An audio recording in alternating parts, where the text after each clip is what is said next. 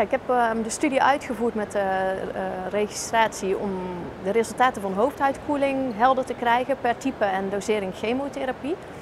En um, om van daaruit ook te kijken naar de best practices. Om te zien van wat werkt nu wel, wat werkt niet. Aan de ene kant om de resultaten te verbeteren. Maar aan de andere kant dus ook om te kijken in ziekenhuizen uh, die goede resultaten hebben. Uh, wat doen zij nu anders dan de ziekenhuizen waar wat minder goede resultaten zijn. Zodat we daar ook weer van kunnen leren. En dan ook weer uh, ja, het niveau nog verder op kunnen tillen. Ja, in uh, eh, 2006 zijn we begonnen met de papieren versie van de registratie. En daarbij uh, vulden verpleegkundigen in eerste instantie wat basisgegevens in.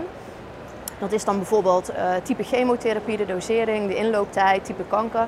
Dat rapporteerden de verpleegkundigen. En vervolgens zouden dan de patiënten per um, sessie van de, met hoofdhuidkoeling een formuliertje invullen waarin dan bijvoorbeeld stond van wat het resultaat was wat betreft haarbehoud. En dat hebben we gedaan tot 2013. Toen zijn we overgestapt op een digitaal systeem.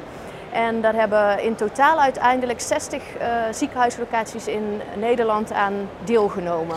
En in totaal hebben we dan resultaten van meer dan 7000 patiënten verzameld, wat dus een hele mooie bron van gegevens is om nu echt verder in te gaan graven om te zien van goh, wat kunnen we hier nou allemaal uit leren. Want er zitten dus heel veel gegevens in uh, waar we uh, ja, nog veel van uh, kunnen leren voor de dagelijkse praktijk.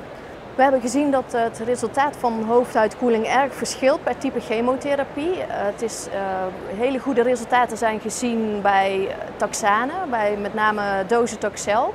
Uh, zowel 75 als 100 milligram per vierkante meter hebben we grote groepen patiënten in de registratie zitten. Dat zijn met name mannen met prostaatkanker en vrouwen met borstkanker. Dat zijn ook direct ook de grootste groepen van de patiënten die zijn geïncludeerd. En uh, daarbij zie je dat uh, bijvoorbeeld bij doostaxel met 75 milligram per vierkante meter, dat 93% van de patiënten een goed resultaat heeft van de hoofduitkoeling. Dus daarbij werkt het enorm goed. Maar als je een combinatie hebt van anthracycline en taxane, dan zie je dat er een minder goed resultaat is. En speciaal ook bij TAC, wat veel gegeven wordt nog bij borstkanker, Um, daarbij is het resultaat maar 12% Dus dat is wel echt heel minimaal. En eigenlijk voor alle andere chemo's die haaruitval veroorzaken, zit het resultaat er ergens tussenin. Maar overal zien we dat er 57% van de patiënten een goed resultaat hebben. En we hebben dus ook grote variatie gezien in de resultaten per type en dosering chemotherapie tussen de ziekenhuizen. En in uh, de multivariate-analyse hebben we nu ook gezien dat uh, het nat maken van het haar wat uh, pas later eigenlijk zijn gaan doen in Nederland, dat dat ook wel positief bijdraagt aan het effect. Een ander puntje is dat we bijvoorbeeld bij uh, patiënten met Afrikaanse of Aziatische achtergrond, dat we daarbij wat minder goede resultaten zien dan uh, bij westers type H. Dus daar valt zeker ook nog wel um, voordeel te behalen. En ja, waarbij dan mijn insteek zou zijn om te kijken om het meer individueel in te gaan stellen. Dat je bijvoorbeeld gaat kijken van welke hoofdhuidtemperatuur wordt bereikt. En, um, maar ook uh, bij type chemotherapie van hoe, hoe lang moet de nakoeltijd zijn. Want we hebben dat gezien bijvoorbeeld dat het bij uh, hebben het steeds verder ingekort en bleven de resultaten hetzelfde. Maar er is ook een uh, publicatie geweest bij FEC waarbij er een trend was dat het leek dat daarbij juist wat langere koeltijden goed resultaat gaven. Dus zowel bij die temperatuur als bij die koeltijden, daar zijn uh, echt nog wel aspecten waarmee we de resultaten verder kunnen gaan verbeteren. Wat ook uh, echt een doel is ook voor de komende jaren met een internationale groep waarin we de registratie nu op gaan zetten. Het is heel verschillend hoe patiënten haaruitval, um, of haaruitval ervaren, da daarmee te beginnen. Sommige patiënten zeggen van nou het heeft zo'n enorme impact gehad op mijn leven. De hele dag door word ik eraan herinnerd dat ik ziek ben.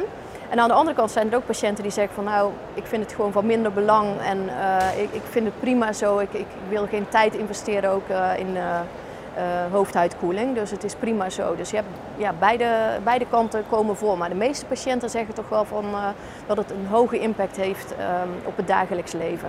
Dat ze zichzelf zo kaal in de spiegel zien dat dat, toch wel even een moment is en dat het ook eigenlijk niet zo wendt gedurende de, de tijd. Dat het iedere keer weer is van hmm, ja, als je dan je haar weer begint te groeien en je hebt je, je, je kapsel weer terug, dat dat toch wel erg prettig is. En um, de hoofduitkoeling Ehm, dat ervaren patiënten ook heel verschillend. Er zijn sommigen die zeggen van nou ik kan die koude echt niet uh, verdragen dat ze stoppen. Maar dat is eigenlijk maar 5 tot 10 procent van de patiënten. Dat zie je in alle studies die gepubliceerd worden dat niet meer dan dat uitvalt omdat ze het niet verdragen of dat ze te lang uh, zitten in het ziekenhuis. Of um, dat, ja, dat ze door die redenen stoppen. En de meeste patiënten vinden het dus ook prima te doen. Waarbij dan de eerste 20 minuten um, dat dat met name um, even doorzetten is en dat daarna gewenning optreedt. Dus um, dat ze daarna dan ook de, de eigenlijk niet meer echt doorhebben dat ze de koude kap op het hoofd hebben. En bij sommige patiënten komt hoofdpijn voor. Uh, als ze starten met de hoofduitkoeling, maar als je dan bij een volgende kuur weer profilactisch uh, gewoon een paracetamol neemt, dan zie je dat daarna de ho hoofdpijn eigenlijk niet meer optreedt. Dus op die manier kun je het ook nog wat comfortabeler maken voor een, uh, voor een patiënt. En dan met een, ja, misschien een kopje thee of een extra dekentje, dat het prima te doen is en dat dus weinig patiënten stoppen omdat ze het echt te koud vinden. Maar ze zijn er wel.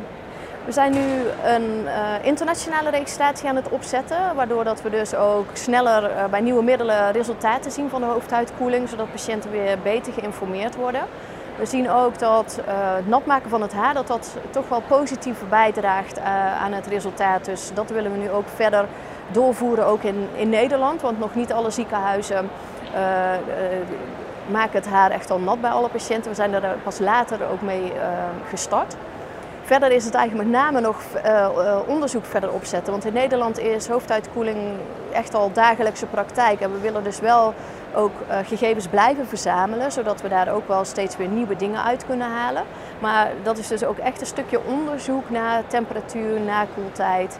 Om te kijken van hoe kunnen we het verder verbeteren. Want daar is echt nog wel winst te behalen. Als je nu ziet dat het overal 57% goed resultaat heeft dat, dat moet en dat kan beter, dat kan niet anders. Met een meer uh, geïndividualiseerde uh, koelmethode en, en echt nog beter kijken van hey, waar, uh, waar zit het hem nu in dat het bij de ene patiënt wel en bij de andere patiënt niet werkt. Dus daar hebben we nog een mooie taak met een groep internationale onderzoekers nu ook. Dat is leuk. Het is echt in Nederland gestart. Wij zijn echt nog steeds het voorbeeldland eigenlijk voor de hoofduitkoeling.